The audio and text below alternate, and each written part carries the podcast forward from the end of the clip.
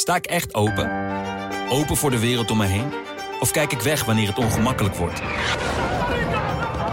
Luister ik naar elke stem of sluit ik me af voor het geluid dat me uitdaagt? Met de Volkskrant voel ik me verzekerd van een open vizier op de wereld om me heen. Open je wereld. De Volkskrant. Ja, dames en heren, mijn naam is Gijs Groenteman. Ik zit niet in een archiefkast op de redactie van de Volkskrant. Ik zit ook niet thuis onder hoogslaper van mijn dochter. Ik zit aan de keukentafel bij mijn gast van vandaag. Hij is misschien niet een van de beroemdste, maar wel een van de beste singer-songwriters van Nederland. Een singer-songwriter in de klassieke zin van het woord. En hij heeft, ik zeg niet de beroemdste, dat wil zeggen dat hij geen stadions vol speelt, maar een grote schare hele fanatieke fans heeft. Weet ik toevallig, toevallig want ik ken er een hoop. En eh, hij heeft nu een schitterend boek, schuine cd gemaakt, waarin hij zijn eigen Brabantse jeugd eigenlijk tot, tot, tot centrum van het verhaal heeft gemaakt. En is teruggegaan om te kijken wat zijn jeugd nou zijn jeugd maakte. En daarmee is het een heel persoonlijk en tegelijkertijd een heel universeel boek geworden. En plaat eh, samen te verkrijgen. Eh, met heel veel schitterende foto's en plaatjes en ja, artefacten uit de goede oude tijd. Je wordt er gewoon spontaan nostalgisch van als je doorheen bladert door het boek Koude Kermis. En als je de liedjes luistert op de cd die erbij zit. Ook op Spotify te blijven. Zijn ze eigenlijk voor iedereen op Spotify? Of moet je het boek? Ja, oké. het staat gewoon oké. oké. Dat vraag ik eventjes. Uh, Koude Kermis heet het. Dames en heren, uh, luister naar het gesprek dat ik nu ga voeren met J.W. Roy. Jan Willem. Ja. Ik kwam hier binnen en ik zette mijn uh, spullen neer. En toen zei dit zijn de microfoons van Bruce Springsteen die ik gebruik. Dat klopt, ja. Vertel even. Nou ja, dat weet ik omdat uh, een producer dat ooit tegen me zei. Want ik moest toen een paar liedjes zingen door deze microfoon. Zeg maar, ja. dat is toch een radiomicrofoon voor DJ's. Zei, ja, maar hier zingt Bruce Springsteen ook door. Dus toen dacht ik, oh, oké. Okay. En toen heb ik het gecheckt en dat klopte ook. Ja, oké. Hij zingt gewoon zijn platen in, in deze microfoon. Trouwens, mijn laatste plaat heb ik hier ook door, door deze, ook door deze microfoon. Ja. En dit is, zal maar zeggen, de microfoon. Ik zal het merk niet noemen, maar dit is de microfoon die alle podcasters gebruiken. Nou, het is een Shure. Ik, zeg, ja. ik bedoel, het maakt uit, dat weet iedereen toch. Het is de microfoon die alle... Hij is, hij is duur, maar ook weer niet, niet duizenden euro. Het kost een paar honderd euro. En, um, um, maar blijkbaar is, is hij als zangmicrofoon niet gebruikelijk. Nou, toch ook wel in studio, maar minder. Want dan pakken ze nog duurdere, grotere, chicere modellen. Ja, en dit is gewoon, zeg maar, de working horse. Zoals je hebt ook van Shure nog een, een, een voor live muziek. En uh, als je live speelt, een microfoon. Ja. Uh, die kun je op de grond gooien. Die, dat ding blijft het altijd doen. Dat ja, voor deze ook, volgens ja, mij. precies. Want deze sleep ik altijd mee in mijn tasje. En je bouwt hem weer op. En je, en je pakt hem weer in. En, ja, en dit, is een, dit is echt een topding. En ja. oh, oh, ik bedoel, maakt het jou uit? Hoe, bedoel, wat, wat, wat, wat hoor je in zo'n microfoon waardoor je voor de ene wel valt en voor de andere niet? Waarom zou Bruce Springsteen voor? Want die kan natuurlijk elke microfoon betalen die ja, hij dat, wil. Dat heb ik geen, dat heb ik geen idee. Ik heb er wat niet veel verstand van. Maakt maar, het jou uit? Door welke nee, microfoon je maakt zingt? mij helemaal niks uit. Oké.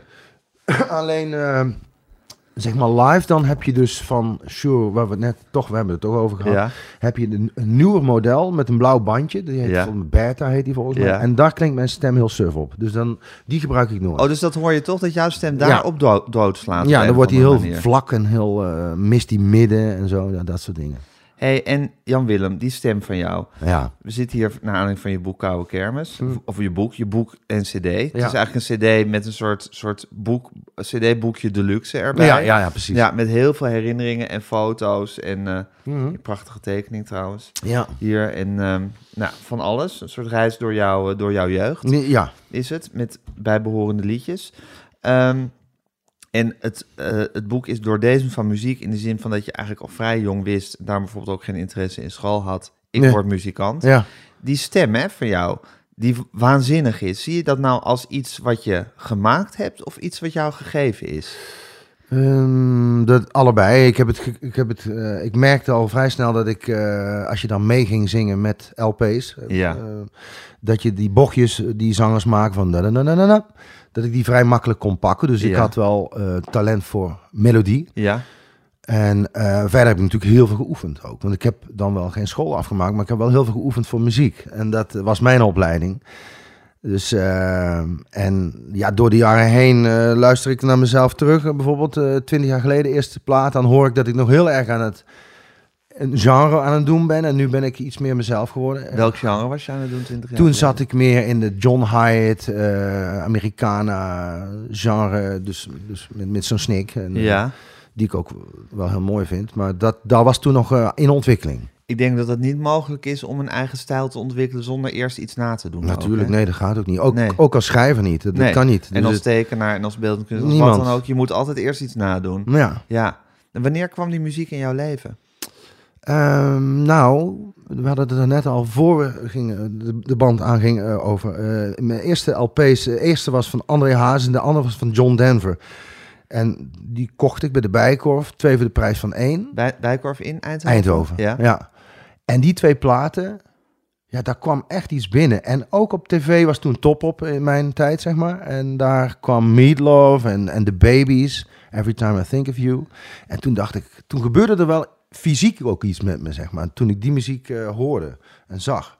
Dus dat, eh, dat is het begin van, van dat muziek eh, meer was dan alleen iets wat voorbij kwam. En eigenlijk wel grappig dat je eerste platen dan John Denver en André Hazes waren. Het hadden ook allemaal andere artiesten kunnen zijn, maar Ja, ze, ze, ze hebben je allebei ook niet echt verlaten, Nee. zou je kunnen nee, zeggen. nee. Dus als je, eigenlijk- als je deze, deze plaat Koude Kermis hoort, dan hoor je zowel André Hazes als John Denver hoor je erin. Nee, dat, dit klopt. Ik ben Ja. heel conservatief in mijn, in mijn, eh, in mijn muziek eigenlijk. Dat is zo gebleven. Tussen smartlap en Amerikaans voelende muziek eh, in zit het. Eh, en ik vind, ik John Denver luister ook nog steeds heel vaak. Hazes ook. Dus ik ben dan wel, ik ben, ik luister ook wel eens nieuwe dingen, maar ik ben toch wel een, een blijven hanger. Ja, ik interviewde een keer Joost Patoka, de drummer, jazzdrummer. Ja. En die eh, speelt heel veel met, eh, met eh, Benjamin Herman, zijn vaste drummer eigenlijk. En die zei van, ja, Benjamin is zo iemand die altijd maar weer op zoek is naar nieuwe muziek of naar nieuwe oude jazz, maar altijd, altijd maar weer platen wil verzamelen Mhm. en dingen wil ontdekken. En zei, ik ben zo iemand die, ja, eigenlijk heb ik aan 100 platen genoeg in mijn leven. Geef me mijn 100 favoriete platen en dan kan ik eigenlijk mijn hele leven, kan ik daarmee toe. Toen dacht ik, ja, dat zijn eigenlijk misschien twee soorten mensen. Eentje die gewoon, en je kan allebei heel erg van muziek houden, maar eentje die gewoon iets heeft en daar gewoon eindeloos diep Ja. in kan verzinken. En anderen die alsmaar weer op zoek moeten naar nieuwe dingen. Ja. En jij hoort dus ook bij categorie 1. Ja, ja, ja. Ik hoor bij categorie. En soms verrast er wel eens iets links of rechts. En daar ga ik, daar ga ik dan ook wel in. Maar ehm, ja, die, die 100 platen, dat zijn het, misschien zijn het niet eens 100 platen. Die kunnen, daar kan ik de rest van mijn leven mee doen. Ja, precies. Dan zou, je, dan zou je helemaal geen probleem hebben. Nee. Nee. En dat zingen, eh Jan, want je, Ja. jouw stem, ik bedoel, het is natuurlijk los van het eh, geluid dat je voortbrengt, waar je gewoon, misschien heb je ook lekker veel gerookt in je leven, Ja, weet ik niet. ik heb veel gerookt. Ja, vroeger, precies. Heb je er ook nog, heb je er ook nog een beetje aan geboetseerd eh, op je eigen manier. Maar het is natuurlijk ook gewoon wat je brengt. Hoe, je het, hoe je het verhaal brengt. Mhm. Heb je dat moeten leren? Ja, ja. Ja, ik ben dus begonnen met, met zingen in, E- in het Engels. Dus dan ga je al, ehm, dan ga je toch inderdaad nadoen. Je gaat eh, iets volgen wat je gehoord hebt. En eh, toen ik in, in, dat was 2005, eh, een Brabantstalig album maakte, toen, toen merkte ik ook, oh, nu kwam, toen kwam ik mezelf als zanger tegen, zeg maar. Want toen ging ik in één keer nog sterker, moest ik het verhaal vertellen. Ja. En daar, eh, daar wrong het wel eens tussen techniek of eh, kunstigheid in zingen en, en, en eh, de kracht van het verhaal. Waarom ging je toen een Brabantstaal of een Brabants plaat maken? Ehm, dat was omdat ik had een, een Engelstalig liedje, dat heet Broken Wings. En dat werd vertaald door Gerard van Maasakkers. Dat is de, de oer eh, eh, dialectzanger uit Brabant. Die maakte daar Asge ooit van. Dat, en die had die tekst vertaald. En toen zei hij, wil je meezingen? Nou, ik zong mee. Ik vond dat heel spannend. Voelde ook naakter. Ja, Engels eh, is toch, eh, staat toch achter iets, sta je nog. Je bent toch een beetje iets aan het spelen dan eigenlijk. Ja, iets het aan klinkt acteren. lekker. Ik bedoel, als je Ja. highway zegt, dan heb je al een beeld. En, eh, en, en, en het, het, het- het- ja, het komt... Als je Engels zingt, dan eh, eh, beoordelen de mensen die muziek op totaalpakket, zeg maar, muziek en tekst. En als je Nederlands zingt, merkte ik later, dan komen ze veel vaker over de tekst te spreken. Ja. Dus eh, nou, Gerard had dat, eh, we hadden dat liedje opgenomen, is een duet. En eh, ja, dat was heel mooi. En toen, had, toen dacht ik van, nou laat ik het eens proberen. En toen had ik, dat was mijn, mijn derde kind, die is inmiddels 17. Die was net geboren, dus toen had ik heel, was ik heel vroeg op iedere dag. Toen ben ik om zes uur iedere dag opgestaan. En toen heb ik in, in no time had ik een, een dialectalbum geschreven.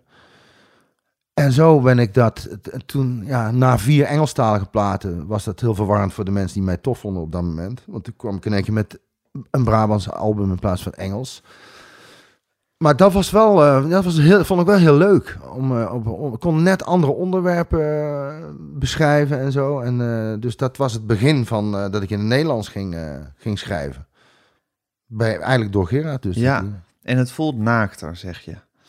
Ja, Ik kan voorstellen dat je, dat je Ja. toch, als je in het Engels zingt, dat je toch een beetje, noem maar wat, John Hyatt staat te spelen. Je bent toch een beetje de popster of de, de rocker of de Amerikaanse artiest aan het spelen. ja. Terwijl als je het in Nederlands bent, dan, ja, dan ben je het gewoon zelf. Ja, ook dat. Maar en ook als je dus in een tekst zit en je hebt, je hebt ja, in het Engels kun je dus een zinnetje vullen, zeg maar. hè. Ik bedoel, John Hyde gebruikt vaak eh, het woord in the back of my mind of eh, yearning. Dat is ook trouwens een mooi woord. Nou, als je dan nog een witje hebt in je tekst van, eh, dan denk je, nou, even iets, iets met yearning of Ja. iets met tralala en eh, hoe eh. En dan klinkt het al te gek. Maar als je dat in een Nederlandse tekst doet, dan even eh, lul. Nou, dan, Ja. dan ben je gewoon de lul. Ja, precies. Dus dat kan niet. dan moet je wel eh, echt even met iets goeds komen. ja, het is gewoon, eh, dat is gewoon continu eh, leveren en dat eh, is anders. Eh, ja. Dus dat is ook wel heel leuk. En ik heb het hier wel eens met. Daniel Loos over gehad. En die gelooft ook heel erg in plattelandsmuziek. Dus die, die voelt zichzelf ook heel erg verbonden met die Americana-muziek Ja, eigenlijk ja, ook. Omdat ja. hij het gevoel heeft dat, zeker uit het zuiden van Amerika, dat ook heel erg uit van het platteland komt. Hij zelf van Erika. Ja, jij, jij diep in Brabant. Ja, Dat het toch ook gewoon, dat je, dat je toch ook verbonden bent als muziekstijlen met elkaar. Gewoon puur door het landschap denk ik ook wat wel. je om je heen hebt. Denk ik ook. En trouwens nog Jacques Poels, Amerika. En Erika en Amerika, dat heeft, dat heeft Daniel maar voor. Jacques Poels van Rowan Hessen. Ja. ja. Die hebben ook dezelfde dorpskern. Want het zijn veen, of het zijn, eh, ja, veen, eh hoe heet het ook weer? Veengons, Ve- Terpen, weet ik veel wat. Wat, wat hebben ze ook weer gevangen daar allemaal? eh, hoe heet het ook weer? Turf. Turf. Nou, er is dus een, een turfhandelaar die heeft dezelfde kern, eh, dorpskern gebouwd in Erika en Amerika. Dus dat, maar goed, dat tezijde. Het hoort allemaal bij elkaar.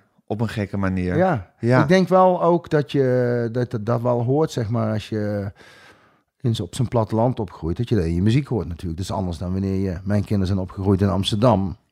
Ja, die, gaan, die Is zouden andere ander muziek gaan schrijven. Ja, Ja. natuurlijk. Ja. Hoe was het voor jou om zo terug te gaan in je jeugd voor, eh voor Koude Kermis? Ik vond het heel leuk. Ik vond het heel leuk, want eh, het was in die, in die coronaperiode en ik had vrij veel tours staan. Het zou een heel druk jaar worden, alles viel stil. En toen werd ik helemaal een beetje chagrijnig en toen zei mijn vrouw van ga, ga maar iets maken, daar ben je dan het beste in in deze situatie. Dus toen dacht ik, nou ja, daar heeft ze wel een punt. Is dat zo? Ja, dat, dat Jouw vrouw levert... kent jou goed genoeg om dat, om dat te weten. Ja, Je krijgt iets ongedurigs als je te weinig te doen hebt. Nou, ik werd gewoon ongelukkig van het, eh, niet per se van het thuiszitten, want dat was ook wel leuk, maar gewoon dat, je, dat, je, dat je werk, want het is buiten dat het, dat het mijn eh, liefde is, muziek, is het ook mijn werk. Ja. Als je dat niet meer kan doen, dan werd, er was toch wel, er gebeurde wel wat met me in mijn hoofd. En, eh, dus toen, ja, dus zij zei van, nou ga er iets van maken. Toen dacht ik, nou, waar sta ik op dit moment? Nou, ik zit in de voortuin in Diemen van 3 bij 3 en ik kijk tegen een stenen muur aan. En mijn werk kan ik niet doen. Het voelt als een koude kermis. Toen oh, dat is een goede, dat is een goede titel. Ja. Dus toen heb ik de titel van, van iets wat ik ging maken verzonnen. En toen ben ik eigenlijk voor het eerst normaal begin gewoon te schrijven. En dan heb je een themaatje en nog eentje en nog eentje. En dan op een gegeven moment heb je tien nummers en heb je een plaat. En nu dacht ik van, nou, ik wil... ehm, ik, eh, ik wil eigenlijk ehm, acht titels verzinnen. Dat is mijn lievelingsgetal. En dan, eh, dan heb ik acht songs, vind ik ook lang genoeg. Ja, je, je schrijft in het boek van, ik vind eigenlijk platen die langer dan acht liedjes zijn. Ja, Ze zijn bijna allemaal, na acht liedjes be- begin jij je aandacht een beetje te verliezen. Bij het negende liedje. Mm, Ja, vaak wel, ja. Kijk, eh Van Morrison heeft he- ook platen van 10, 9, 10, daar hou ik nog wel vol. Maar ik ben wel ongedurig, ja. En ik, en ik ben er ook echt van overtuigd dat de spanningsboog beter is met, met 8 Ja. of misschien nog wel 7, denk ik. Maar ja, maar 8 acht is, is toevallig is een even getal. Oh, je houdt van even. Ja, ik hou van Oh, even getallen, ja. Heel erg. Maar dat, eh, Dus, nou ja, goed. Ik ging die titels eh, verzinnen. En toen dacht ik, nou, ik ga terug naar de, naar de camper waar ik opgegroeid ben. Eens kijken wat, daar, wat ik daar nou zo mooi aan vond. En wat er nog van over is gebleven. Heb ik er geromantiseerd? Of, ja, en zo, dat soort dingen. En ook met, met wel het gevoel... Kijk, ik woon in Diemen. Ik woon 25 jaar in de Randstad. Maar eigenlijk wil ik al... eh, zou ik al twintig jaar eh, weer in een dorp willen wonen. Maar dat, dat gebeurt gewoon Daar zit toch iets tragisch in, hè? Daar gaat het liedje Koude Kermis ook over. Ja, een beetje, ja. Dat is, ja. dat, is, dat, dat is best wel een heel wrang liedje eigenlijk. Ja, het- ik heb het een beetje aangezet, moet ik zeggen. Hoor. Het is niet dat ik eh, huilend in Diemen zit. En Nee, echt snap niet. ik. Ik ben ook blij. Nee, tuurlijk, je bent ook blij. Maar er zit ook in die, in die melodie zit ook wel echt iets oprecht, Ja, oprecht verdrietigs. Of soort mistroostigs. eh, over Ja. het feit dat je, ja, dat je eigenlijk terug wil, maar niet mag. de boot gemist. Hè? De, bo- de boot gemist hebt. Ja. Ja. dat vind ik ook zo'n zo'n eh, ja, zo'n geen- harde constatering. Daar wil je niet in zitten, in die gemiste boot. Dat, dat, ja, nee, dat klopt. Nou, soms is nou, het is wel wat zwart-witter in het liedje. En ook zoals ik het nu dan uitvent, dan, dan het daadwerkelijk is. Snap maar er ik. zit een kern van Maar het in. fascinerende is natuurlijk toch dat je inderdaad, je, je, je groeit op in een dorp. Eh, misschien is dan, weet ik niet, ik ben, zelf geboren en getogen in Amsterdam, dus ik ken het goed. Maar ik kan me voorstellen dat je dan bijna automatisch, zeker als je iets in je hebt dat je de wereld wil veroveren, wat jij nou eenmaal hebt als muzikant, dat je bijna automatisch een soort krijgt, ik moet naar de stad, naar waar het, het gebeurt en waar de mensen zijn en waar ik kan werken. En dat, en dat doe je dan en je vindt een vrouw. En later vind je weer een andere vrouw. En die Ja. willen allemaal in de stad wonen. Ja. En ja, teruggaan, dat is ook weer zoiets. En dan woon- je weer steeds op anderhalf uur rijden van waar je werk is. En weet ik veel wat. Dus dat, dat is allemaal te begrijpen. En toch hou je dan voor eeuwig een soort van dat verlangen naar wat, er, naar, naar, naar wat je hebt gehad. Dus er zit, er zit, er- je, je bouwt een soort eeuwige melancholie in je leven. Ja, maar dat is ook wel, dat is ook wel, dat is wel een, een karaktertrek, denk ik sowieso. Maar er zit een, inderdaad een verlangen naar het verlangen. Ja, En ehm, ja, ik heb echt mijn best gedaan om uit Brabant weg te komen. Want ik denk, nou ja, Amerika, ik ga naar Amerika. Ben ik ook heen gegaan. Was heerlijk. Ik had het liefst nooit meer teruggekomen. was het heerlijk in Amerika? Ja, ik vond het. Ik, ik was in 1994, toen was ik dus 26 of zo. Ging voor het eerst langer dan twee dagen van huis af. Ik vond het doodeng, want ik had altijd heimwee. En toen ging ik naar Texas, naar Austin, Texas, naar een festival eh, daar. En eh South by Southwest. South by Southwest. En dan ben ik eh, een man uit Eindhoven, een manager, die zei van, geef me je muziek. Nou, ik had een cassettebandje, heeft hij opgestuurd, ik mocht komen. En ik ben daar binnen uitgestapt en ik heb daar, ja, daar voelde ik me helemaal thuis. Dus van, dit is mijn, dit is mijn plek. Dus toen geen heimwee gehad, tien dagen weg geweest. En toen was ik echt in de war toen ik terugkwam. En daarna heb ik eh, de hele zomer, ik werkte toen in een kippenslachterij, heb ik eh, alle overuren die er waren gepakt. En toen ben ik in september weer teruggegaan voor drie maanden. Ja, dat was echt, was mijn, dat was eigenlijk mijn eh, studie, denk ik. Daar heb ik, ging ik iedere dag naar live muziek kijken. En ik had een, een racefietsje gekocht, dus ik fietste door die, die stad heen. Kende overal de weg, voelde als een dorp. En ja... Wat dus- voor een stad is Austin? Toen, dus eh, ruim 20 jaar geleden, ehm, was dat een kleine Amerikaanse stad, heel liberaal, zeg maar. Dus in, in het In Texas, Texas. in het hele conservatieve Texas. Een heel liberale stad met heel veel hippies en heel veel eh, country blues, eh, heel veel muziek, muziekcafés. Het is een muziekcentrum, hè, Austin? Ja. ja. Ja, ja. En ehm, nou, daar, heb ik, daar, heb, daar was ik helemaal. eh, dat was echt fantastisch. En, eh, en ook die maanden dat ik daar gewoon voelde alsof ik er woonde, weet je wel. Dat, eh, Was je niet verbaasd dat je dus... Maar grappig dat je, om te beginnen grappig dat je dus al van jezelf iemand bent die heimwee hebt. Dus je mhm. bent, je, Dat bent, al, je bent al een heimweeige figuur. Ja. En dan, ga, en dan zit je ook nog eens altijd te verlangen naar nou, het platteland van je, van je jeugd. Waar Ja. je bent opgegroeid. Maar was je ook verbaasd dat je ineens dat je, zo, dat je, dat je de halve wereld overtrok. En langer dan twee dagen van huis ging. En je gewoon thuis voelde. Enorm. Dat was, dat was echt Wat een, een sensatie, hè? Dat was een sensatie. ja. Ja. een schok en een sensatie, ja. ja, want ik kwam terug. Ik was gewoon echt in de war. En eh, ja, hopeloos verliefd op dat land en op die stad. En eh, ging, eh, het was natuurlijk, ja, ik ging contact houden met de mensen die ik ontmoet had, de muzikanten. En eh, ja, zorgen dat ik terug kon eh, gaan. En, eh, ja, dat was, dat Wist was je, wel- wist je toen al dat je je leven aan de ja, je wist al dat je je leven Ja. aan de muziek wilde Ja. geven, hè? Alleen daar kreeg ik nog, daar kreeg ik echt een, een soort, een, een, een, een enorme, excelleerde Ja. boost. Want, want de muziek die ik mooi vind en vond, die werd daar iedere dag gespeeld. En op een niveau dat je dacht, wow. Dus ik heb het daar ook niet één keer. Ik heb één keer live gespeeld op een open mic avond. Ik durfde gewoon niet. Het was zo goed. En eh, nou, uiteindelijk, eh, uiteindelijk nog een vriendinnetje gekregen daar. heel tof. Die, die zag ook dat ik, dat ik daar thuis hoorde. En die had zoiets van... Die zei van, weet je, ik trouw met je. Dan kun je hier blijven.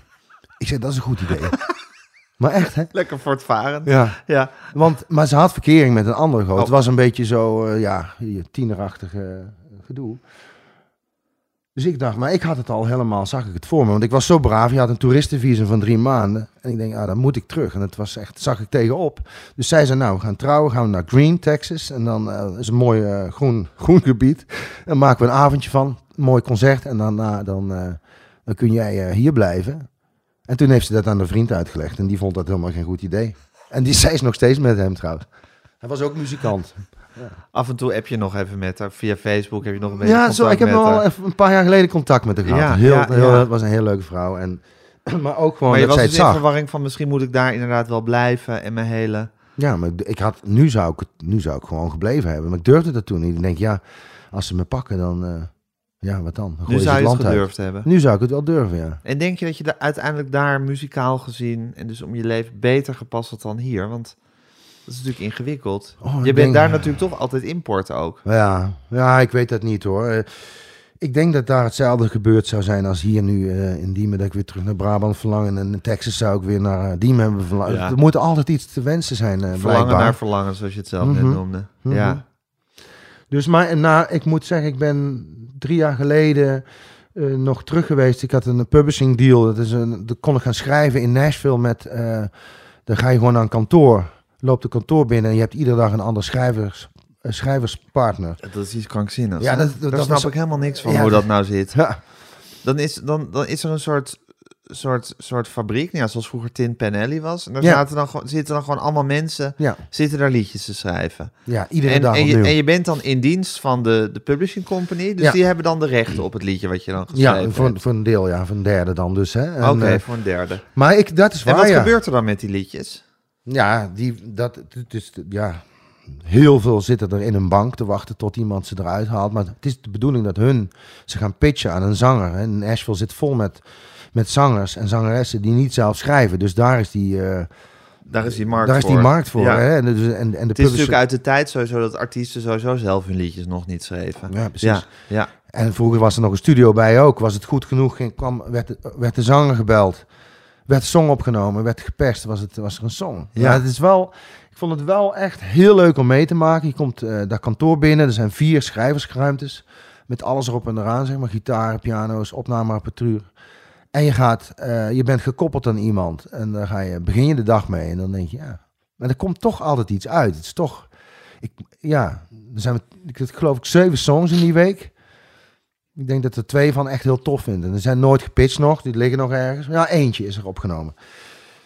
Maar ehm, Word je er ook niet een beetje eh, ja, ik zou dat van? niet kunnen voor altijd. Maar ik Het- vond het het- leuk om het- eens te doen. Ja, dat snap ik. Maar eh, het haalt ook wel elke romantiek van de muziek af. En ook van de waarde van een liedje eigenlijk. Ja goed, dat is even mijn eh Ja, sombere toch- kijk hierop. En toch, Toch die, het ook wat hebben. die mannen die dat, en vrouwen die dat aan het doen zijn, die zijn wel echt Steengoed. super goed in wat ze daar verwachten van hun. Weet je wel, dus geen 10 seconden, dan geen intro van langer dan 10 seconden. Voor een minuut naar het refrein. Een, eh, een brugje en dan een dubbel refrein. En, en, maar dan ook met eh eh ja, akkoordtechnisch. Je gaat niet naar de vijf, dus zeg maar de oplossing eh, voor het refrein. Ja. Dus het, die, die lessen had ik in, in twee dagen al geleerd. En dat was, er zat een man bij, die had al iets van tien number ones geschreven. En dat was, dat, daar, daar leer je wel snel van. Op, om op die manier te schrijven, zeg maar. Hè? Dus eh, niet voor mezelf, mag het gewoon uitgesponnen, weet ik veel. Ja, en dat is dan dus ook grappig, want er zijn dus allemaal wetten waar je aan, aan, aan moet voldoen als Ja. je zo'n liedje schrijft. Die zou ik bij wijze van spreken aan muzikaal als ik ben, zou ik die ook nog kunnen leren als ik, Ja. een, als ik een beetje mijn beste voor doe. Ja. Eh, maar dan nog is er dus, was er dan een man, is er dan toch een schrijver die zich net zoals jij of wij allemaal of iedereen daar zich aan die wetten houdt, maar die dan toch een soort iets extra's heeft waardoor hij tien number ones heeft geschreven. ja, Dus die heeft iets in zijn melodische gave, ja. waardoor mensen ervoor vallen, wa- waardoor toch de oren geopend worden. Ja, en, en de hoek. Die, want ze zijn Ja, altijd op zoek naar de hoek. Dus de, Precies. de, de, en ze, ze kennen hun doelgroep enorm goed. Ik, had, ik zat in een sessie met, met twee man. En ehm, dat, die ene jongen die wilde schrijven over long necks. Een, bier, een bierfles met een lange nek. dus ik, ik, vond, ik, mo- ik moest er een beetje om lachen. En ik, ik, en dus die oudere man die erbij zat, zei... Ja, maar dan moet je niet om lachen. Hij zei, want wij zitten hier muziek te maken voor de hardwerkende Amerikanen...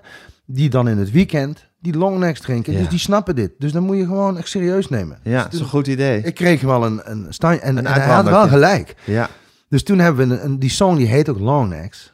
En, en maar eh, hun zoeken altijd naar een hoek die, die gelijk boem de, de mensen pakt. Maar. En dat, daar zijn en ze die wel hoek, sterk die in. hoek kan iets muzikaals zijn. Maar zo'n hoek is ook het woord of het idee om een liedje over longnecks te schrijven. Om over ja, een stukje in de tekst, in het refrein, Ja. zeg maar. Ja. Dat, dus daar, eh, daar zijn ze vooral al heel sterk in. Ja, nou dat is eigenlijk net zoals wat jij met koude kermis had. Ja. Dat je hier zit en dat je denkt, het is een koude kermis. Ja, En dan voel je van, dat woord, daar zit iets in. Ja. Daar kan ik wat mee. En dan is dat je hoek geworden. dat is mijn hoek geworden. Ja. ja, dat klopt. Ja, Zoekt altijd naar hoeks. Inderdaad, melodieën zijn er te over. En daar kom je altijd wel uit. Hoeks zijn eigenlijk misschien nog wel belangrijker. ja, en toch is een melodie, een echt goede melodie. Ja. Ja, en, maar ze, het is zo, ja, ze vertellen elkaar, zeg maar. Hè. Als je in een, een- zeker in, in koude kermis, dan heb je al te maken met dat ritme van die, van die, Ja, van die woorden. En daar ga je dan op, eh, op schrijven, maar melodie ook. in. Ja, het is, ja. het is, het is dat, een is wat, dat is ongelooflijke wat mijn, mijn idool Harry Banning ook altijd zei. Van eigenlijk, die, die vond wat hij zelf deed ook eigenlijk niet zo ter zake doen. Hij eigenlijk zit die melodie, als hij die, als hij die tekst voor zijn neus kreeg, want hij werkt altijd met tekstschrijvers, dan hoorde hij al de melodie. Want hij, volgens hem zat dat al gewoon in het ritme van Ja. die woorden. Ja, die melodie. Hij ja. zag dat helemaal niet als iets, Nee. als iets groots wat hij er nog aan toevoegde, want dat was er eigenlijk al. Maar goed, dat is natuurlijk ook omdat, omdat de chemie in zijn hoofd zo werkte. Ja. En in jouw hoofd waarschijnlijk ook, dat die melodieën gewoon komen. ja, ik vind het makkelijker als er een tekst is, inderdaad. Dan kan ik in een half uur een song hebben. Maar als, het, als het andersom is, dan is het lastiger. ja, Maar ik snap hem wel. En ik denk dat hij... eh, hij kreeg die teksten in voor zich. En hij leest, hij voelt de ritmes Meteen. en, En dan de, was en de het er. melodie. Ja, dat geloof ik, ja. Dus als we ook vroegen van meneer Banning, hoe lang doet u er nou over zo'n liedje schrijven? Dan zei hij, zolang als het liedje, zolang als het liedje duurt, Ja. of mijn hele leven. Ja. Het is natuurlijk allebei. Het is natuurlijk ook gewoon een, iets wat je, waar je je hele leven mee bezig bent. Ja. Ja, Ja. en tegelijkertijd is het er meteen. Kan je een stukje koude kermis spelen? Ja, ja, zeker. Dat is natuurlijk heel oneerbiedig, want het is natuurlijk geluidstechnisch. Weet je, als het nou, als het nou te slecht klinkt, of zal ik dit, mijn microfoon erbij? Nou, ik denk dat het heel goed is. Nou. ik denk dat het ook wel goed is. Ja, precies. En dan eh, zal ik een couplet en een refrein. Ja, ja, ja, ja, ja, doe gewoon. Of speel het, hele, speel het hele liedje. Heb je, heb je die paraat in je hoofd, het hele Ja. liedje? Oh, heel graag. Ik vind het zo'n mooi liedje. Ik heb de liefde van mijn leven. Vier kinderen allemaal gezond. Niet alle schapen op het droge. Maar we komen altijd rond. Niks te klagen. Toch overvalt me soms een gevoel van nostalgie, melancholie. En het bloed kruipt wat niet gaan kan. En ik denk ooit dan komt een dag. Dan gaan we in het zuiden wonen. En verlaten we de stad. Oh man, nou blij. Dat gij dat toch liever niet baby. Oh, niet wil of kan, kan of wil. Ziet zitten man, man, man. Ik heb er nooit zo best stilgestaan. Ik dacht dat zijn vaart niet, zijn vaart niet zou lopen. En dan komt het Europa. En heb ik er de pest in, dat misschien te laat is. En ik achter het net vis. Het is een koude kermis. Het is een koude kermis.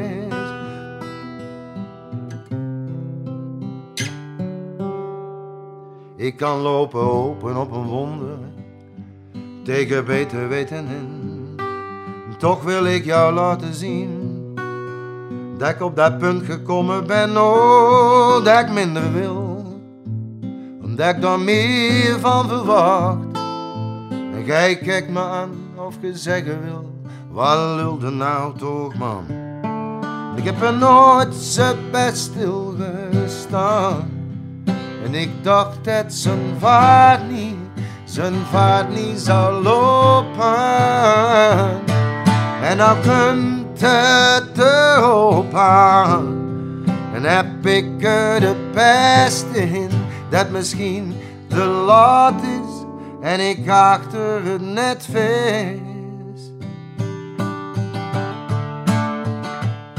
Maar van de week aan de telefoon hun ik tegen de moeder zeggen. Ja, het is daar toch wel echt fijn en soms denk ik, misschien moeten we het gewoon doen en kijken waar het schip strandt. En ik doe net of ik niks gehoord heb.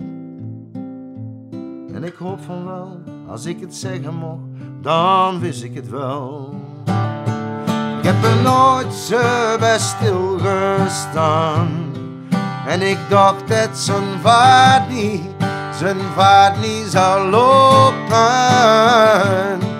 En nou komt erop aan. En heb ik er de pest in, dat misschien te laat is. En ik ga achter het net vis. Het is een koude kermis. Het is een koude kermis.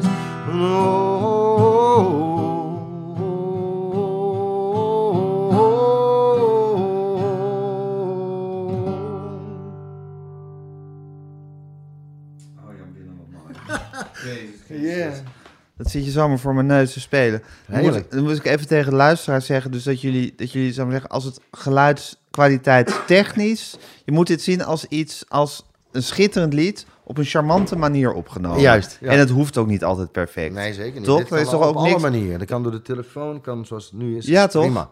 Precies. En Ja. een soort iets met een demo kan toch ook van, van, van een ongelofelijke schoonheid zijn? Oh ja, Ja, dat is een probleem vaak. Dan heb je de mooiste demo en dan ga je de studio in en dan kom je, kom je dat, op dat punt niet meer terecht. Dat is heel erg. ja Dus- daar, eh, ik, ik, ik interviewde de zangeres Luton en die had daar een woord voor. Een soort eh, samentrekking van demo en heimwee. Demoïtis of zo? Demoïtis, zoiets was het. Zo'n soort woord. Maar goed, ik, ik weet het niet meer precies, maar dat is precies wat je beschrijft. Dat je, dat, je, dat je die demo hebt en dat je nooit meer tot die kern komt eh, als je het gaat, eh, in de studio gaat opnemen. Dat is met de allereerste keer, weet je wel. Als je voor het- voor het eerst zo'n zo'n lied hebt en dan een tekst en een melodie... en die, moet, die tekst moet gaan binden en, en, en dan per ongeluk hou je net een tel te lang in... en dat klinkt dan weer heel fijn en dan ga je Ja. daarna terug nadoen. Dan lukt dat niet meer. Nee, dan lukt het niet meer. Ja. Hey, Jan-Willem, nu is het zo dat je dus... Je sprak met heel veel liefde. aan- Ik, ik zei dus dat het een cynische onderneming was... als je in, op een kantoor met z'n allen een liedje gaat zitten schrijven... die dan in een, in een soort databank terechtkomt... waar je mag Ja. nog hopen dat die er ooit uitgevist wordt. Maar jij sprak er eigenlijk met veel meer liefde en waardering. Nu kom je natuurlijk ook uit een slagersfamilie. Ja. Dus misschien hou je ook wel gewoon van als dingen als een ambacht beschouwd worden... en dat je daar ook niet al te kunstzinnig over hoeft te doen. Nou ja, ik vind, er zijn dus twee, ja, dat heeft, ik vind dat, eh, wat je zegt, vind ik. Maar ik vind in de muziek heb je twee, ik, ik, ik, van mijzelf, omdat ik zelf ook platen uitbreng, mijn eigen songs is iets anders dan wanneer ik voor anderen schrijf, wat ik ook doe.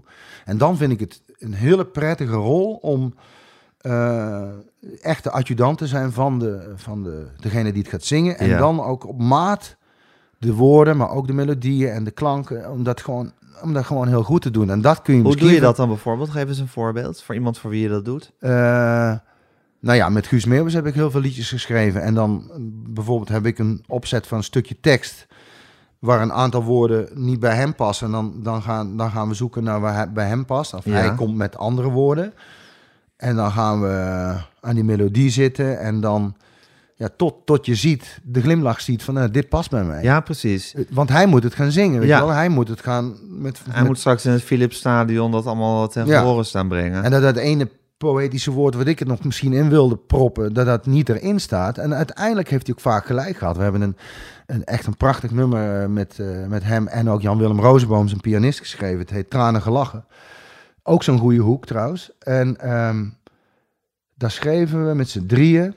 En daar zaten eh, wat dingen in waar hij van zei: nee, dit moet, dit moet iets, iets gewoner, iets makkelijker. En we hebben het liedje opgenomen. En een half jaar later speelden we het in het Philipsstadion voor 33.000 mensen. En ze zingen het allemaal mee. Ik denk van, hij kent zijn publiek, hij weet wat bij hem past. het was, dat was echt voor als songwriter natuurlijk ultiem. Dat je gewoon met z'n drieën een song maakt en dan, la, en dan ook nog 33.000 man later dat liedje Ja. zingen. Dan heeft het helemaal geklopt. En dat is natuurlijk... En dat is te vergelijken met een hele mooie schaal vol met verse worst die net gemaakt is en die er vers uitziet en die, waar die klanten meteen meenemen. Ja, die Ja. dampende sausijzenbroodjes Ja, er liggen. Ja, precies. Ja. Ja, Ja. die Guus het is toch een fascinerende figuur, hè? Even Ja. goed. ja. Dat je denkt van, wat, wat, ja, wat, wat, wat knap dat hij zo het hart van zijn publiek weet te raken. Ja. Terwijl hij heeft, hij heeft natuurlijk niet de verschijning van een popster. Nee. Hij is muzikaal gezien waarschijnlijk ook minder soort, soort ver dan een heleboel anderen zijn. En toch heeft hij het talent om zo'n stadion gek te krijgen. Dat is ongelooflijk. Ja. Dat is echt, ik heb, ik heb het, ik speel wat, zie je, mee. wat zie je als je met hem werkt? Ehm, nou goed, als je met hem werkt in, in, in de ruimte, zeg maar, als we met z'n drie aan het schrijven zijn, is dat gewoon, eh, dan zijn we gewoon drie vrienden inmiddels die, die eh, Ja. zoeken naar eh, de goede ingrediënten om die song goed te maken. En dan, de allereerste keer dat ik mee mocht eh, spelen in dat stadion, stond hij van tevoren nog met een blikje Bavaria. En hij stapte de bühne op. En eigenlijk, eigenlijk doet hij niet eens zoveel. Maar er gebeurt dus echt iets. Er gebeurt iedere keer echt iets. En dan denk je van ja, oh, misschien is het omdat het in Brabant is. Later zag ik hem op eh, Parkpop in Den Haag. Was hij afsluiter na Direct en allerlei flitsende Grote bands. act, ja. En hij komt op. En toen ging het pas, gebeurde het pas echt. En het hele, hele veld zong Brabant. Dan denk je, nou ja. Dan, hij heeft gewoon iets wat, wat ik niet kan, eh, Magisch, hè? niet kan aanraken. En eh, ook omdat hij heel erg zichzelf blijft, maar wel heel veel geeft, toch? Ja, Zonder dat je het in de gaten hebt. Ja. Dus, het ziet er effortless uit. onge- ja. Ja. Maar, Maar er, hij gaat gebeurt, maar er gebeurt iets. Ga maar- Ja, goed, Ja. Dat, dat, is, dat is een soort zuiver talent. Dat moet je kunnen. ja, dat kan hij echt, ja. Ja, dat ben ik, dat het is, eh, Dat heb je aanschouwd. heb ik aanschouwd. En nu weet ik ook wel waar de kracht zit in, in, dus met hem schrijven. Dan weet ik ook steeds beter na 15 jaar dat ik met hem werk. Van, dit is echt voor Guus, eh Ja. past bij hem. En ook dat als Guus zegt van nee, dat woord is niet voor mij. Ik moet dat woord Niet, erin. eh, niet over praten. niet, over, niet Klopt. aan tornen, dan heeft Guus gelijk. Zeker. Want ja. hij weet dat. Ja. Ja. Ja. Fascinerend, hè? Ja. Hoe is het als je nou een, een eh, kleine jongen in Brabant bent zoals jij was... en je voelt, eh, ik moet mijn leven aan de muziek geven... wat je hebt gedaan. En eh, wat een rijk leven.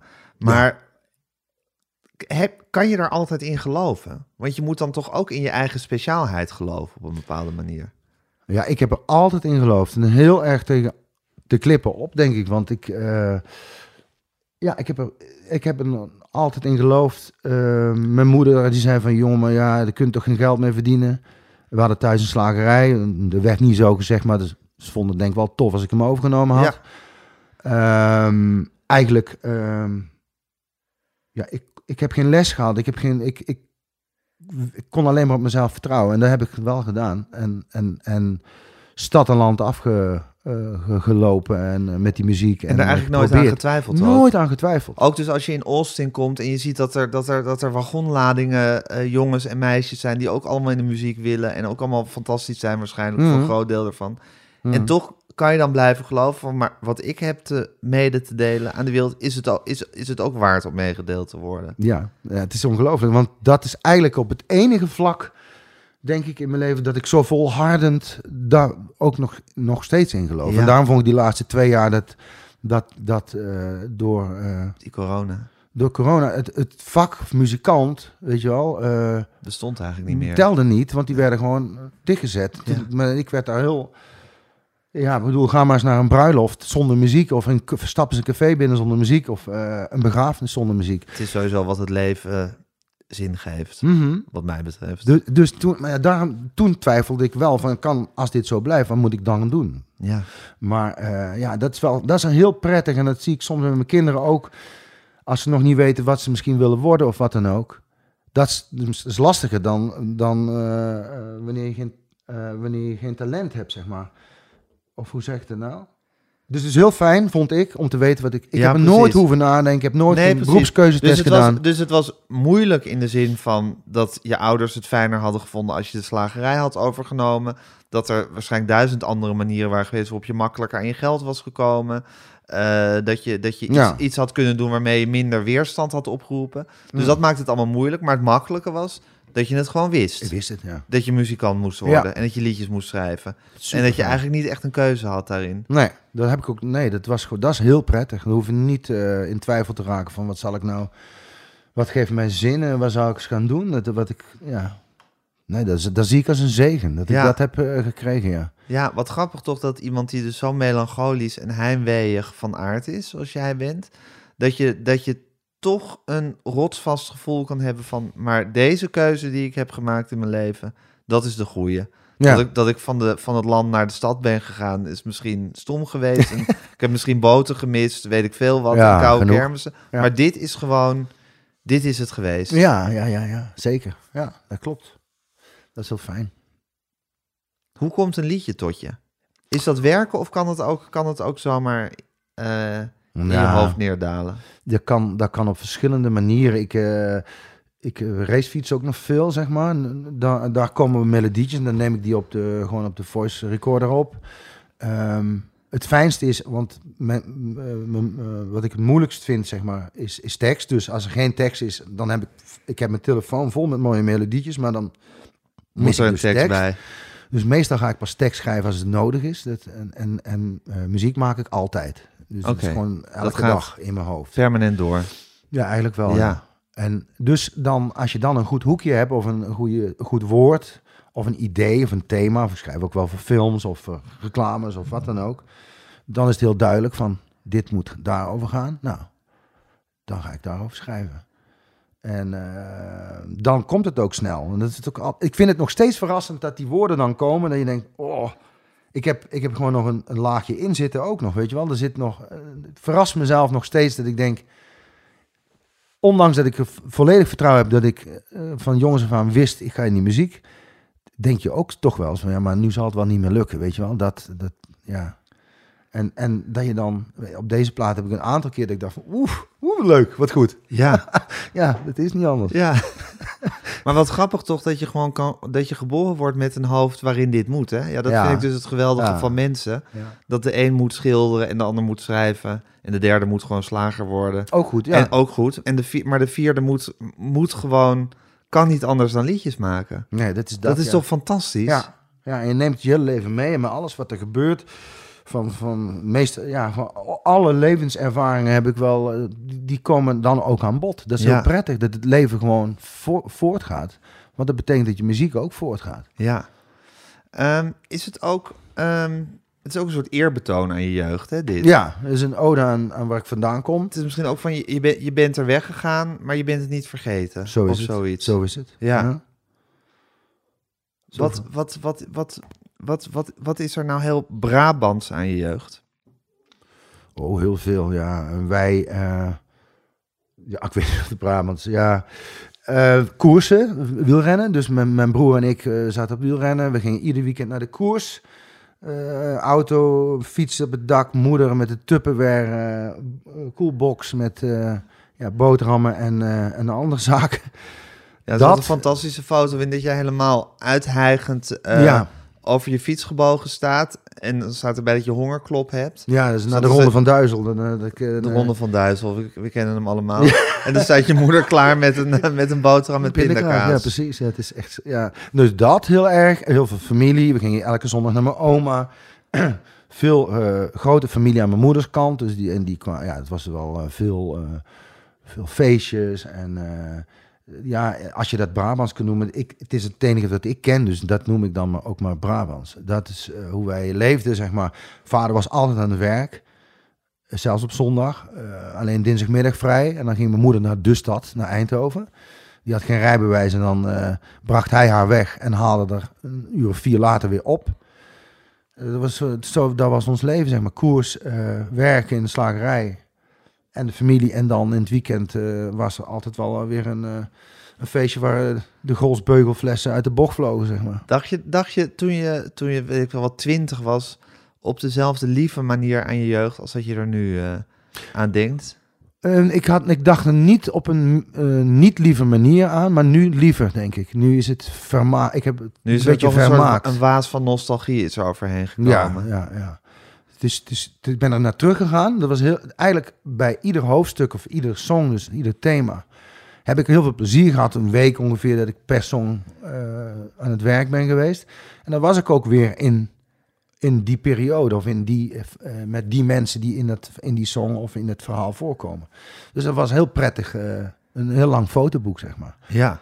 Mhm. En eh, ik denk eigenlijk dat, het, dat ik het misschien hier en daar wel verheerlijk. Maar aan de andere kant ook ben ik blij dat ik terug kan kijken van... Er is van alles misgegaan. Nou, Dat, ik bedoel, ik weet niet of ik dat eigenlijk opgeschreven heb. Misschien hier en daar misschien een beetje. Maar er is vooral heel veel goed gegaan. En dat, dat ben ik wel heel blij omdat ik dat achteraf kan zeggen. Er zijn al periodes geweest dat ik, dat ik dacht, nou, ik, ga er niet meer, ik hoef er niet meer terug. Of dat, dat, dat was te, te lomp of te, te klein. Ja. En nu zie ik, de, nu zie ik wat, wat de, roo- de, roo- de roots, de wortels van die, van die mensen waren. Van mijn ouders en mijn familie. Ik kan me ook voorstellen, Jan- voorstellen, Jan Willem, dat je, of tenminste wat het gevoel wat ik er heel erg bij krijg bij dat boek en bij die plaat, is dat je je ook gewoon heel erg toestaat om het te verheerlijken. Ja. Dus dat je er ook, je maakt er ook een soort sprookjesboek van. Gewoon willens en wetens. ja. En dat is ook wel een beetje, dat hoort ook een beetje bij want je bent nu 53. ja. Het hoort ook wel een beetje bij de leeftijd natuurlijk dat als je Ja. zeggen 30 bent, of laten we zeggen tussen de 20 en de 30, dan ben je boos of bozig Mhm. over, over alle verschrikkelijke dingen die je zijn aangedaan. En eh, nou, dat je weg wil en iets anders. En als je dan zo tegen de 50 bent, zoals ik ben, of jij er nu net overheen, ja. Dat je dan, dat je dan aanmerkt je dat je gewoon je ouders wordt. Dus dat je gewoon, ja, dat, dat, dat, ja. dat er gewoon, ja, je kan wel allemaal verwijten aan ze maken, maar je, je blijkt zelf eigenlijk precies zo te zijn. dus dat steemt je ook wat milder. Ja. Ja, en alles, alles wat er gebeurd is, is zo ver weg. En denk je, ja, het was toch eigenlijk ook wel heel erg prettig. Dat was wel fijn toch? Zoals dat, het dat was. Die, dat, die kan, dat die randjes weggaan en dat, dat je het, het mooie een beetje overhoudt. Het is een beetje als een vuurtje waar, waar de as uiteindelijk door, de, door het rooster is gezakt. En dan Ja. ligt er nog wat moois over. Ja, precies. Maar dat gevoel krijg je ook heel erg bij dat je gewoon, dat je gewoon eh, hier alleen zat in die corona, in Diemen, ver weg van Brabant. En dat je gewoon je ogen dicht deed en jezelf hebt toegestaan om het mooie ervan te zien. Ja, dat klopt. Dat is het ook. Ik, heb, ik had behoefte aan iets moois, aan iets warms en iets... eh, en, en ondertussen ook, eh, ondanks dat het allemaal in, in het verleden zich afspeelt, zit er ook voor mij wel een, een heden en een toekomst in. Omdat ik, omdat ik ook echt denk dat ik minder nodig heb om meer te voelen, zeg maar. Dus, dus eh, ik, ik, ik, ik ben nogal druk van aard, zeg maar. Ik denk dat ik nu wel ADHD getest zou worden.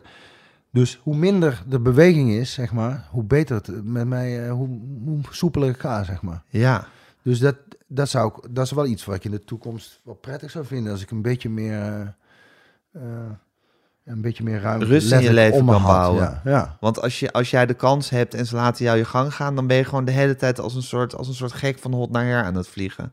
Dan vind je nergens rust. Ehm, nee, ik kan ook wel heel goed uiteindelijk op de bank belanden met, de met de Ronde van Vlaanderen op of een een wielerwedstrijd kijken. Oké. Dat kan ik wel. Maar als het eenmaal aan het werk ben, als nu, komt de tour gaat weer van start, eh, dit boek is uit en dan eh radioprogrammaatjes en we kunnen mogen dingen doen, dan staat het wel een hele tijd aan, ja. Ja, Dan ben ik wel druk ja, in mijn hoofd. ja. Het is wat, hè, om een goede manier van leven te vinden. Ja, dat is best wel wat, ja. Dat is het, hè? Dat is een grote puzzel die we allemaal moeten leggen. Ja, en het Ja. wordt een stoot en dan denk ik, nee, nu heb ik het gevonden. Dit is, dit is de goede balans. En dan, eh, toch Dan niet. stort het weer in. Ja, en zoiets als die corona, waar we ons natuurlijk allemaal vreselijk kwaad over hebben gemaakt en wat ook verschrikkelijk was. Mhm. En wat je ook helemaal niet onszelf allemaal hebt toegewenst. Maar het heeft je toch ook weer dit opgeleverd. Zeker weten, ja, daar, Ja. Ben, daar ben ik, mag wel Ja. blij mee zijn. Ja. En die, ja. ge- die gedwongen rust heeft je natuurlijk ook wel weer wat gebracht. ja, Ja, nee, klopt. ja. En dat liedje Koude Kermis, dat gaat natuurlijk ook heel erg over gewoon het leven dat voorbij gaat.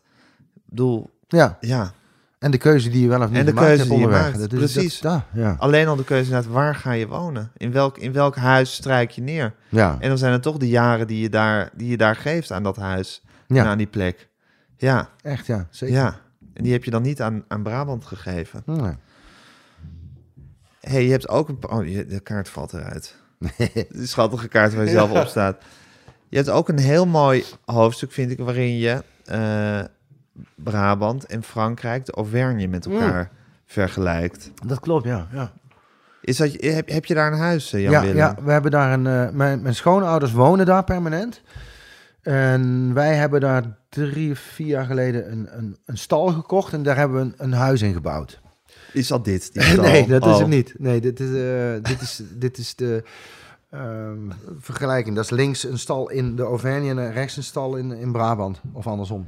Ehm, ja, en, en dat is eh, een heel mooi, eh, mooi stukje eh, Frankrijk. Een heel leeg stukje. Want allereerste paar keren dat ik daar kwam, dacht ik, jezus, echt geen, geen hond te doen. Er is niks te doen. Geen café, geen... En dan begon ik na meerdere keren daar geweest te zijn, begon ik pas op waarde te schatten. Zeg maar. Dat is wel echt wel, ik ik werd wel weer, merkte dat ik er rustig van werd. Dus toen ben ik echt gek op die streek geworden. En heb wat mensen leren kennen in het dorp. Zo, er wonen er maar tien of zo. Mijn dorp verderop. En er zit nog een kroegje waar eh, een 94-jarige mevrouw eh, nog steeds iedere ochtend open is. En dan pasties schenkt voor, eh, voor, de, voor de mannen uit, uit de buurt. Tot een uur of één. En dan houdt ze ermee op. Heb ik Dan zijn ze dronken. ja, dan zijn ze klaar. Hebben ze rode wangen en dan gaan ze naar huis. Heerlijk. Ga, dat het heet Shea Lily. Dat is echt fantastisch. Dus daar, daar, daar woon ik in die nostalgie die ik eigenlijk in, dat- in dat boek eh, beschrijf. Zeg maar. Daar is het gewoon nog zo. Weet je wel? Eh, de, bedoel, daar zit, de burgemeester is ook eh, jachtopziener. En we hadden een bouwvergunning nodig. Die, kwam die op vrijdagmiddag brengen. Omdat hij natuurlijk ook wel wist dat we dan eh, een borrel gingen drinken. Ja. Dus het is heel, dat, dat, dat doet mij wel heel erg denken aan, aan waar ik vandaan kom. Want de deuren altijd, achterdeuren open staat en je loopt binnen en het, eh, ja, doe maar, het is goed, eh, doe het maar. En zo. En toen begon de fysieke gelijkenis je blijkbaar ook op te vallen. Want je Ja. hebt dus allemaal foto's afgedrukt waarin je ja, foto's van Brabant en foto's van de Auvergne ziet. En denk je, het is hetzelfde. Naast elkaar gelegd, ja. Naast elkaar klopt. gelegd. Ja. Ja. En toen dacht je, en, en toen analyseerde je ineens bij jezelf, dit is waarom ik me hier goed voel of zo. ja, het deed me daaraan denken. Het deed me denken aan de camper van, van de jaren 70, 80, zeg maar. En dat eh, heb ik dan in een song. eh, ik denk, ik wilde Auvergne en, en Le Vincent, dat dorpen, erbij betrekken. Toen moest ik daar nog een, een reden voor vinden. En toen heb ik daar maar bij mij geschreven. En eigenlijk is de Auvergne eh, en een Vincent, het dorp, zeg maar een, een, een- een, hele lieve vrouw die zegt, komt hier maar naartoe. Want ik zie dat je veel haast in je hoofd hebt, hier is het oké. Ja, dat, dat heb ik, daar heb ik maar verzonnen, weet je wel. Dat is niet, eh, niet dat dat zo Per se zo is. is. maar dat Nee, maar doet- zo voelt het. geeft mij dat wel. Als ik daar Ja. ben, ben ik dolgelukkig van, word ik daarvan. Ja, ja. Ja. En je kan het natuurlijk ook als de eeuwigheid zien. Precies, en het, het voordeel is dat we het hebben. Zeg maar. Dus een paar keer per jaar gaan we daarheen. En, dan, dan, en dan, als we dan weggaan, dan mopper ik. En dan denk ik, ja, zie je wel, hier is het echt. Hier voel ik me veel beter. En, eh, ja. nou. Ja, maar dat is gewoon, dat is gewoon hoe jij in elkaar zit. Dat je altijd, waar, je, waar je niet bent, wil je zijn. Ik denk dat dat ook wel een beetje het gevaar is om, eh, om nu daadwerkelijk echt te verhuizen. Want dan zitten we daar. En dan, Ja, en dan denk je van, intieme. Daar was het zo fantastisch. echt in de straat. Ja, Ja, Op in het straatje. Een straatfeestje. Ja, precies. hey, en ehm, ehm, het, je, je, je voelt dus die gelijkenis, maar je zei van, daar is het nog echt zo. Dat leven in Brabant wat je beschrijft, bestaat dat nog? Ehm, ik, ja, het, ik bedoel, het is wel heel erg geciviliseerd, zeg maar. Dus er zijn veel rotondes, veel rolluiken. Het is heel af. Dat vind ik heel jammer. Dus we Dat hebben echt was wel niet moeten zo in zoeken. jouw jeugd. Nee, toen was het wel wat rommeliger. Ja. En, eh, maar ik moet zeggen, mijn vader is eh, overleden in, in 2017. En ik was in het ouderlijk huis eh, om daar zaken te regelen en te doen. En uiteindelijk, ja, komen de ene en de andere buren komen langs van, eh, wil je nog wat eten? We hebben wat eten gemaakt en moeten we even ergens daarmee helpen? En kunnen we dit? En toen dacht ik, ja, dit is wel... Dit is wel, dit, dit is wel tekenend Ja, ja. voor dit dorp, zeg maar. Dus ondanks dat er nu rolluiken zijn en heel veel rotondes en alle straten goed geasfalteerd en Ja. het allemaal netjes en af is, blijken de mensen toch nog Brabanders te zijn. Zo dat dorpse, dat je dan voor elkaar zorgt als het nodig is. En daar, ja, daar, vond ik wel, daar, vond ik, daar stond ik wel van te kijken, zeg maar. Dat vond ik wel heel tof. En dat raakte me ook wel. Gewoon echt mensen die, eh, maar die zo gek op mijn vader waren. Die dachten van, nou, die mensen zitten daar nu eh, mee. En die, die wilden dan toch graag iets doen, weet je wel. Ja. En die kwamen ook echt langs van, eh, nou, we hebben wat eten gemaakt. Hier, eet maar op. En dan, als je nog maar nodig hebt, dan bel dan maar. Ja, dat vind ik heel fijn. Wat was je vader voor iemand? Eh, ja, dat was een, dat was een hele rustige man. Lieve, echt een hele lieve man. Ik, ik mis hem wel heel erg. Het is een. Ehm, sinds hij dood is, kom ik mezelf er ook wel in tegen wat hij, eh, omdat hij zo, zo rustig en stilletjes was, zeg maar, dat hij niet veel vroeg van me. Maar ik zie wel dat hij daar heel, toch continu ergens in de buurt richting gaf. Of me, eh, ik weet niet, ik, ik mis hem vaak als ik denk van, nou, dan, we bellen, we belden één keer per week of zo. Of twee keer in de week. En dat soort gesprekken, ja, die mis ik heel erg. En zijn, eh, zijn rol in, eh, in mijn leven, dat is eh, wat ik merk. Dat het, En dat was een rustgevende rol. ja, Ja. ja, En dat is eigenlijk waar jij altijd naar op zoek bent in je leven. Naar dingen die je rust geven. ja. Of tenminste, nou, je, zoekt, je zoekt naar de opwinning, maar wat je nodig hebt is, di- is dingen die je rust geven. Ik, ben als in dat liedje van, waar we het net over hadden, Harry Bannek en eh Annie M. G. Smit, Dansen laatste dans, ja. Continu rommel maken om het weer op te ruimen. Ja. Dat is wel ergens wat erin zit. Eh, en nu, hij, nu mijn vader niet meer leeft, de, toch ook, de- want mijn moeder was al overleden, de gewaarwording van nu ben ik de, nu moet ik dat, Ja. nu ben ik het, alleen Ja. nog. Ik heb wel een broer. Ehm, nou ja, dat. Valt tegen soms, ja. Ja, Het hoort er ook bij, bij het leven. zeker, zeker. En ehm, die, die zelfkennis die je nu hebt, hè, die je hebt opgedaan, dat je, dat je weet dat je, dat je verlangt naar verlangen. Dus dat je, dat je altijd zal verlangen naar de plek waar je niet bent.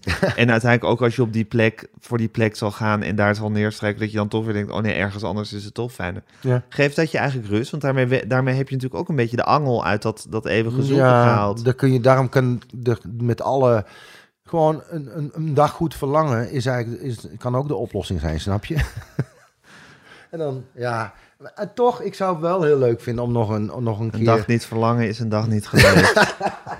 Ja, en dan ben je er weer. Dat Ja. is een soort, eh, ja. maar dat hoort, je, je, je kan dat ook omarmen nu, dat verlangen.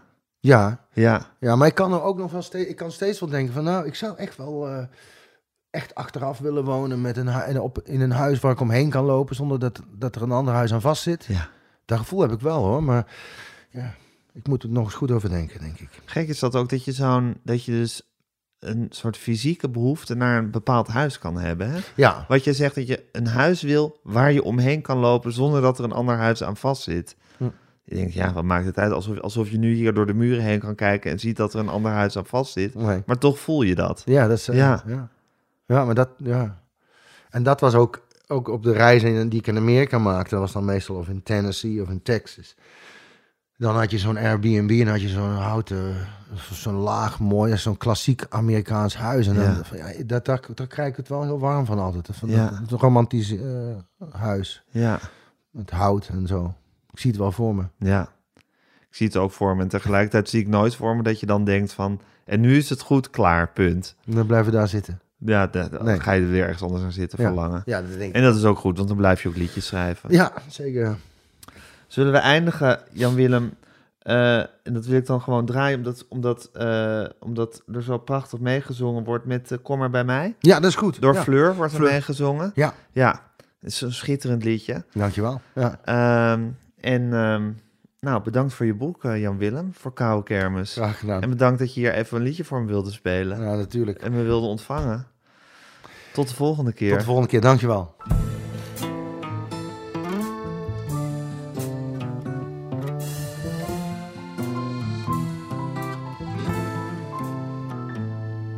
Het gras leek altijd groener, oh aan de overkant. Ik ben overal geweest, verkende rand, stad en land. Het moest altijd groter of gekker, een onrust woont in mij. Het gedonder in de glazen, het leven in de brouwerij.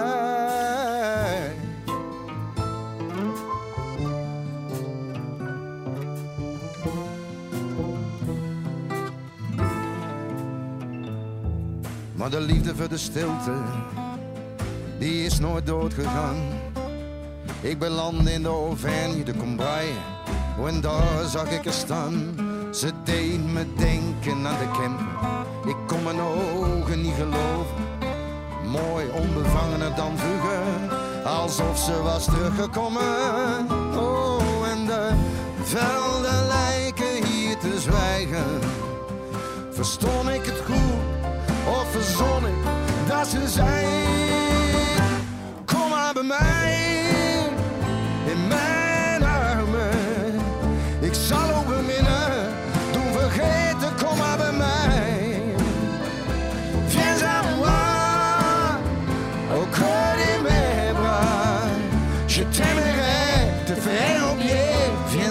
Il